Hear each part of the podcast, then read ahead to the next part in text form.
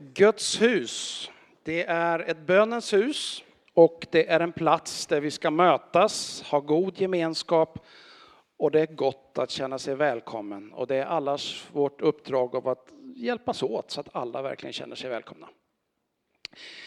Idag så ska jag prata om kors och rubriken är korsmärkt. Och ehm, ja, är det en börda att bära? Eller är det en plusmeny? Ni vet om man har ett kors då ser det ut som ett plus. Eh, jag som står här, jag är församlingens missionär. Jag jobbar allra mest med det internationella arbetet och reser ganska mycket.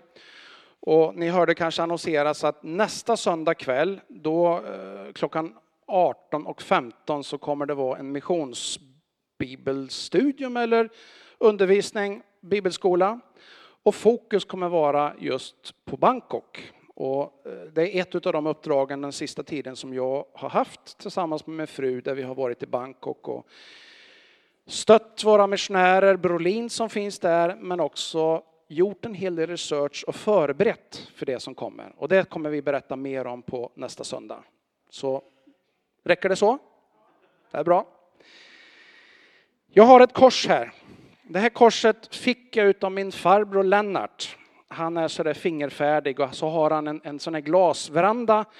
Och när bara solen börjar komma lite grann så det blir lite varmt, då sätter han sig där med sina verktyg och så gör han olika saker. Och ibland så gör han sådana här kors. Det här är ett kors där det också finns en Jesusfigur. I alla fall figuren syns. Det är inte riktigt ett ansikte, men man kan se att det här är symboliserar Jesus. Jag har varit i jättemånga kyrkor runt om i världen. Jag har varit i många kyrkor här i Sverige, olika kyrkotraditioner och i princip alla kyrkor har ett kors. De ser lite olika ut. Vi har ett kors här. Jag har för övrigt ett guldkors här som jag har fått av min fru för rätt många år sedan och det hänger runt min hals dag och natt var jag än åker och vart jag än är.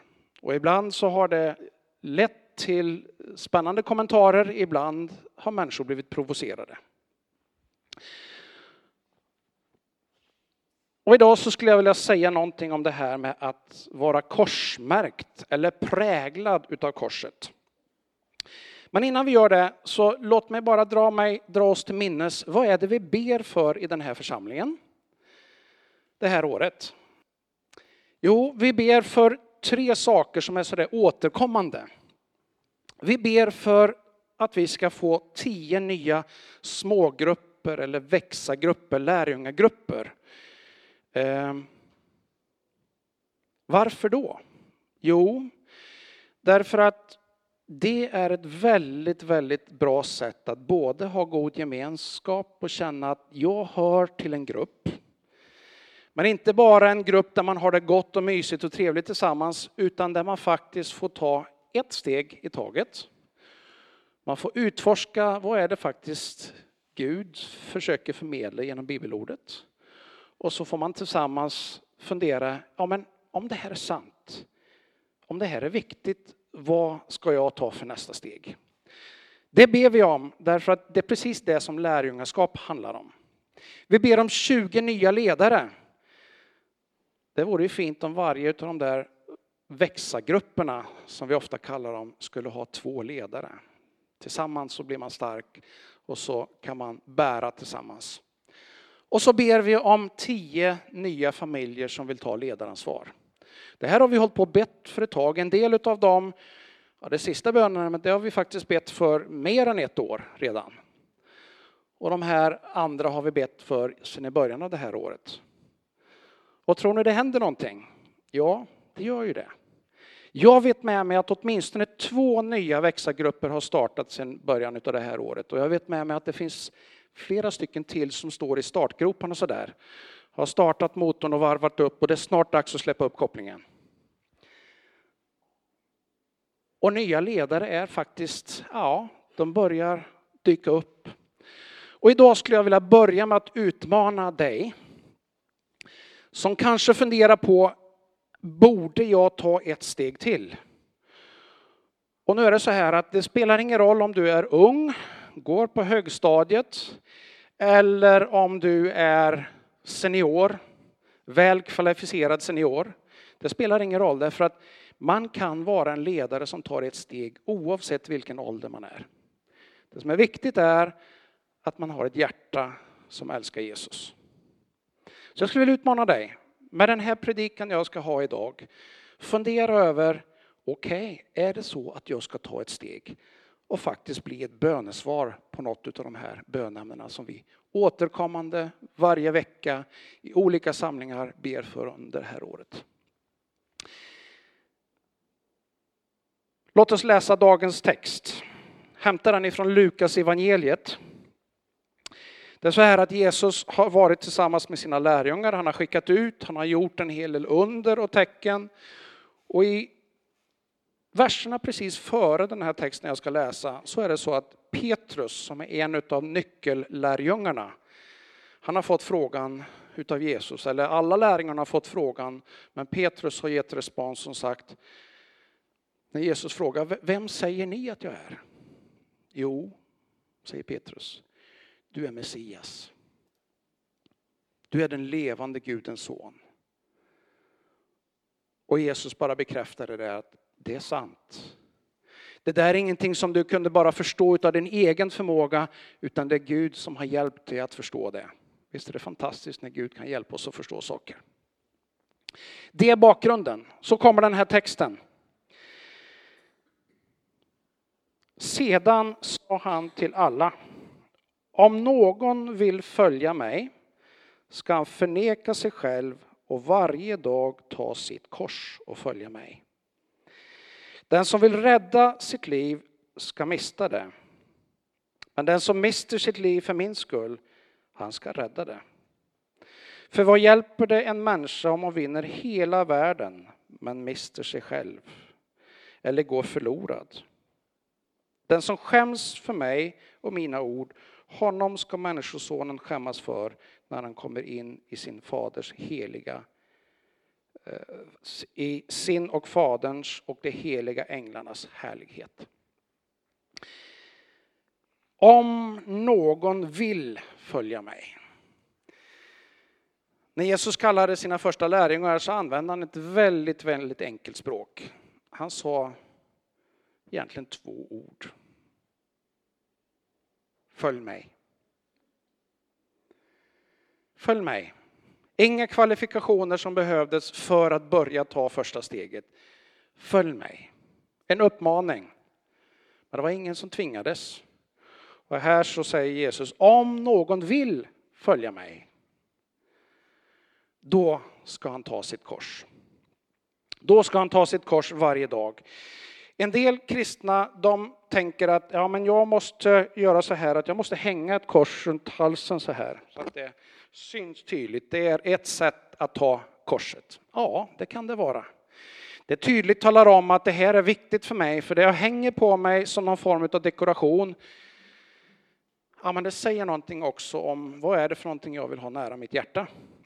Så det kan vara ett sätt. För en del så är det väldigt viktigt att när man går till kyrkan eller innan man ber och när man avslutar sin bön så gör man korstecken. Så här. Det har ni kanske sett. Vi har inte den traditionen i våran kyrka, men det finns absolut inget fel i att göra det om man vill göra det. Men jag har funderat på vad innebär det egentligen? Det här Jesus säger, om någon vill följa mig så ska han förneka sig själv och varje dag ta sitt kors och följa mig. Det låter ganska så tufft.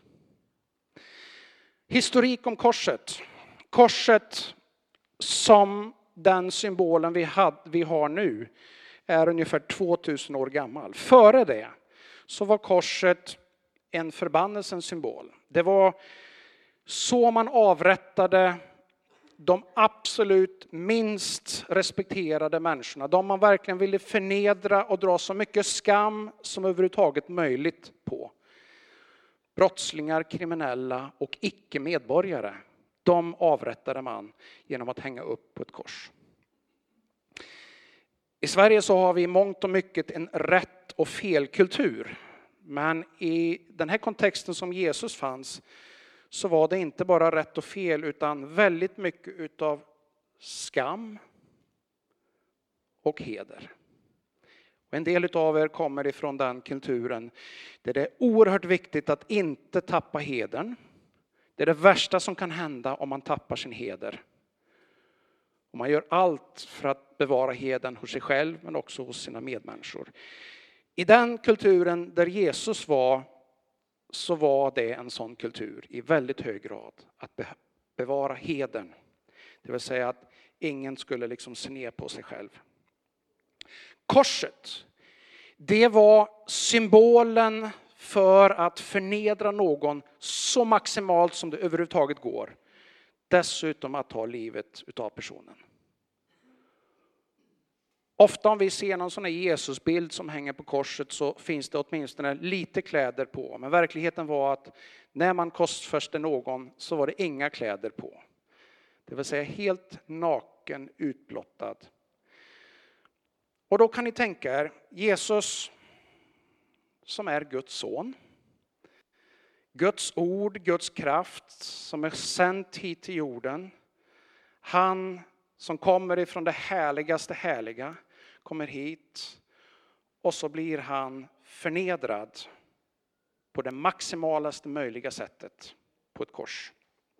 Det är liksom symbolen som var där. Men så händer det någonting oerhört fantastiskt. Det är liksom en sån här markör genom hela tidens historia. Jesus inte bara dör, han uppstår. Och när han gör det så bryter han allt utav den här skammen. Han bryter allt som har med död att göra. Och så öppnar han en ny väg. Och Bibeln säger att, vi läser exempelvis Matteus 28, så säger Jesus här att jag har fått all makt i himlen och på jorden. Det är alltså något helt enormt revolutionerande. Tänk dig att ha varit högst upp och så blivit förnedrad maximalt offentligt inför alla människor. Men han var beredd att betala priset och så lyfts han upp. Namnet över andra namn. Och vi sjunger regelbundet, alla knän ska böjas. Gjorde vi inte det idag också? Va? Alla knän ska böjas för honom. Lite bakgrund om korset. Och då har jag funderat så här, vad innebär det här när Jesus säger varje, var och en som vill följa mig måste ta sitt kors. Då ska ni komma ihåg att det här säger Jesus när det här är liksom förbannelsens, förnedringens symbol. För att det jag nyss berättade för er om att han inte bara dog utan uppstod och förvandlade det här till en fantastisk symbol. Det hade ännu inte hänt. Utan det är fortfarande liksom en förnedringens symbol. Och då säger Jesus till sina lärjungar. Om ni vill följa mig, ja, men då måste ni ta ett kors på er. Wow. Ni måste vara beredda att skämmas eller få skam över er. Ni måste vara beredda att betala ett pris. Det kostar någonting. Vi, eh, vi rappar idag en, en fantastisk bibelvers. Jag tänker att det är precis centrum, så mycket centrum man kan komma i evangeliet. Jesus får frågan, vad är viktigast av allt? Jo, älska Gud och älska medmänniskan. Om man verkligen älskar någon, vad är man beredd att göra då för någonting? Tänk dig den som du älskar allra mest i livet. Vad är du beredd att göra för den? Ja, man är beredd att göra ganska mycket. Det finns egentligen ingen kärlek som är gratis att ge. Man kan få kärlek gratis. Men det finns ingen kärlek att ge utan att den har ett pris. Det vill säga att om jag verkligen ska visa att jag älskar någon så kommer jag att betala något pris av, no av något slag. Det kommer att kosta mig tid, det kommer att kosta mig engagemang, det kommer att kosta kanske pengar, det kommer att kosta prioriteringar. Det var därför som jag uppskattade er så mycket att ni har prioriterat att komma hit idag. En bra prioritering. all sann kärlek kostar. Om du tror att du ska bara kunna glida genom livet och älska någon utan att du också får betala någonting för det. Sorry, det finns en annan sanning. Det du trodde var inte riktigt sant. Och det är det här Jesus säger någonting om här. Han säger att den som vill vara min lärjunge, han måste vara beredd att faktiskt betala ett pris. Om det skulle sluta här, då skulle det kanske kunna vara väldigt, väldigt utmanande. Egentligen kanske väldigt dystert till och med. Om man tänker då på att symbolen som Jesus talar om här, det var liksom maximala skamsymbolen. Alltså det största tänkbara nederlaget. Men eh, vi går vidare. Kärlekens starkaste symbol. Jag kan lägga tillbaka den bilden du hade alldeles där, för det var precis där vi var. När Jesus dör och uppstår, då förvandlas ju den här förnedringen till istället den starkaste symbolen av kärlek. Varför? Jo, därför att Jesus betalar det absolut dyraste pris man kan för att uttrycka sin kärlek. Man kan uttrycka kärlek på olika sätt. Man kan uttrycka det med ord, man kan uttrycka det genom handlingar, man kan uttrycka det med gåvor. Man kan göra saker för varandra. Man kan, ja, man kan göra det på olika sätt. Och Jesus, han gör det som är absolut starkast. Ja, men han ger sitt liv. Det dyraste överhuvudtaget en människa har, det är livet. Det ger Jesus. Och i det att han gör det så förvandlar han den här skammens symbol till att bli den absolut starkaste kärlekssymbolen som överhuvudtaget finns. Ofta har vi ett hjärta som kärlekssymbol. Om ni tittar där nere i hörnet så ser ni den här loggan som de flesta pingstförsamlingar använder. Ni ser att det är ett kors i mitten och så kan man se på vänster sida att där är det ett rött hjärta. På den andra sidan så är det som en flamma där. Vad symboliserar det för någonting? Jo, korset är kärlekens symbol. Men inte bara det, utan det är också andens symbol. Och varför finns anden med? Jo, därför att anden är faktiskt den kraft som Gud har gett oss som gör det möjligt att älska när man annars inte alls har lätt för att älska. Det största som den heliga ande kom med, skulle jag vilja påstå. Går ju mot pingst och då pratar vi mycket om anden. Och på pingstdagen så utgör anden, om man läser Paulus brev där han undervisar om anden, så undervisar han först om andens olika sätt som den ges till uttryck. Och sen så undervisar han om ordningen, ordning och reda kring det här med anden och gudstjänsterna. Och i mitten, mellan de här två kapitlerna, så kommer kärlekens kapitel. Och så säger han, utan det här så är inget av det här andra någonting värt. Korset, kärlekens absolut starkaste symbol. När, du, när Jesus säger att den som ska följa mig måste ta på sig ett sitt kors så är det alltså inte bara det här priset han talar om utan profetiskt redan här så talar han om det som är på gång. Han talar om att ja, du ska klä dig i Guds kärlek. Varje dag ska du klä dig i Guds kärlek. Det är faktiskt så här att Bibelns stora berättelse, det handlar just om kärlek. Det är Guds kärleksberättelse. Som handlar om att Gud älskar så oerhört mycket så att han är beredd att till och med låta sig förnedras och dra skam över sig eller låta, tillåta människorna tömma skam över honom så maximalt som det är möjligt för att sedan befria varje människa som vill ta emot honom. Kärlekens starkaste symbol är korset.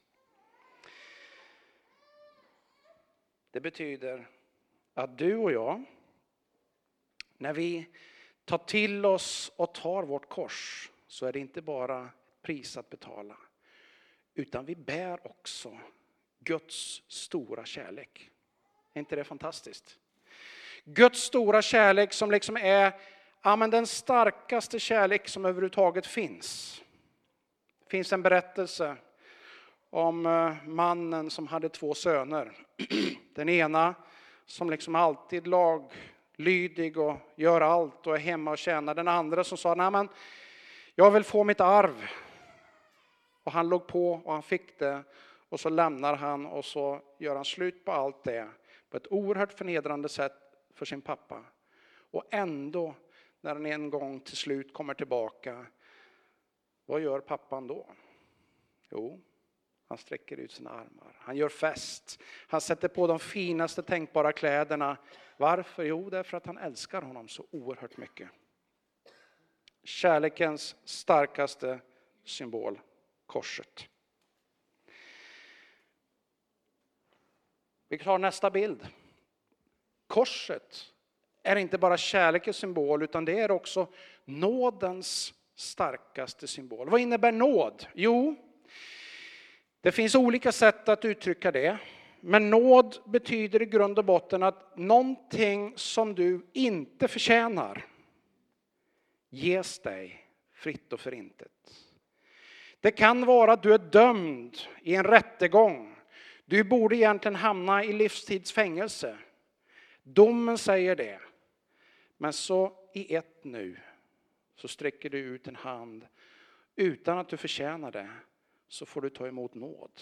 Och istället för att bli dömd till livstid så får du gå därifrån alldeles fri. Wow! Är inte det häftigt det? När Jesus talar om, ta på dig, om du vill följa mig, ta på dig korset varje dag. Så säger han, ja det finns ett pris att betala. Men det är också kärleken som jag ger som är den största, starkaste kärleken som någon kan få. Men det är också den största nåd som du kan få. Det tar du på dig. Och när man kommer till den delen då blir jag väldigt glad. Varför?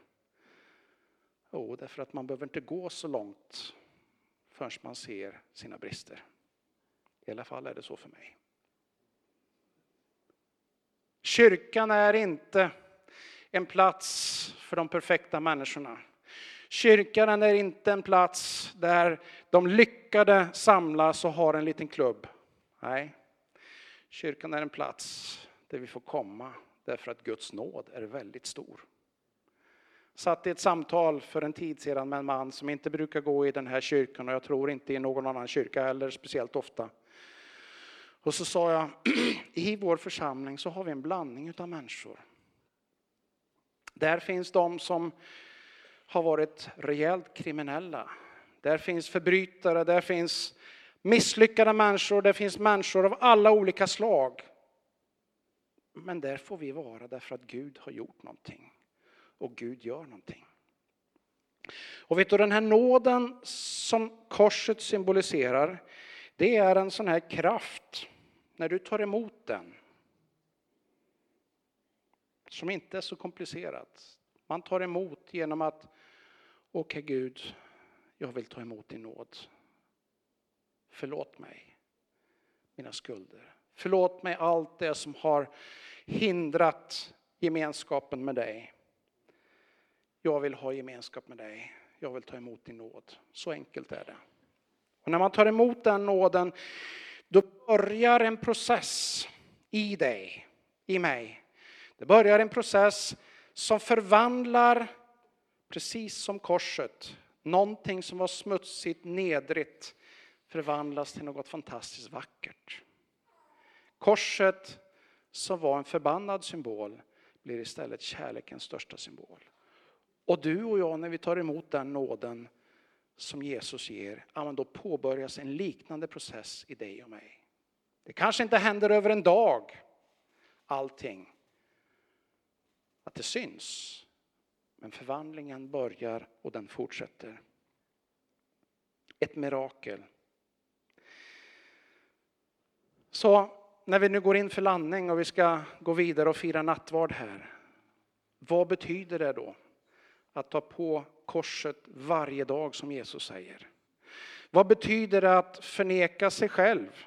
Ja, det betyder inte att du utraderar dig själv, inte alls. Men det betyder att du faktiskt är beredd att prioritera ner dina egna preferenser, vad det nu än handlar om. För att istället ge utrymme för Guds möjlighet. Det betyder att du ger utrymme för att Guds kärlek ska få verka i dig. Och inte bara till dig, utan faktiskt genom dig till någon annan människa. Älska Gud och älska din nästa eller dina medmänniskor. Det betyder att nåden inte bara drabbar dig. Du får ta emot den varje dag.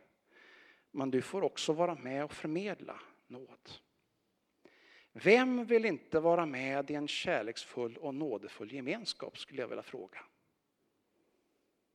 Ja, jag tycker det låter oerhört attraktivt i alla fall. Vi kan komma fram nu så ska vi sjunga någonting tillsammans här och vi ska få utrymme att be tillsammans så småningom. Men jag vill bara ställa en sån här fråga som jag nu och då ställer. Vad blir ditt nästa steg? Om det här verkligen är sant, det här bibelordet som vi har läst och som jag har försökt att förmedla några tankar kring, om det verkligen är sant. Vad är ditt nästa steg som du behöver ta? Och jag brukar säga att vänta inte, börja ta ett litet, litet steg inom de första 24 timmarna. För det är stor chans att du kommer att göra något mer av det där. Så när vi sjunger, fundera över vad är ditt nästa steg? Är det att du ska lämna dig till Jesus för första gången och ta emot hans nåd? Är det att du ska ta ett steg av ledarskap? Är det att du ska starta en sån här lärjungegrupp? Eller vad är det för någonting? Ja, det är ditt egen, din egen fråga, din egen tanke där du får bestämma. Det här är mitt nästa steg. Gud välsigne dig.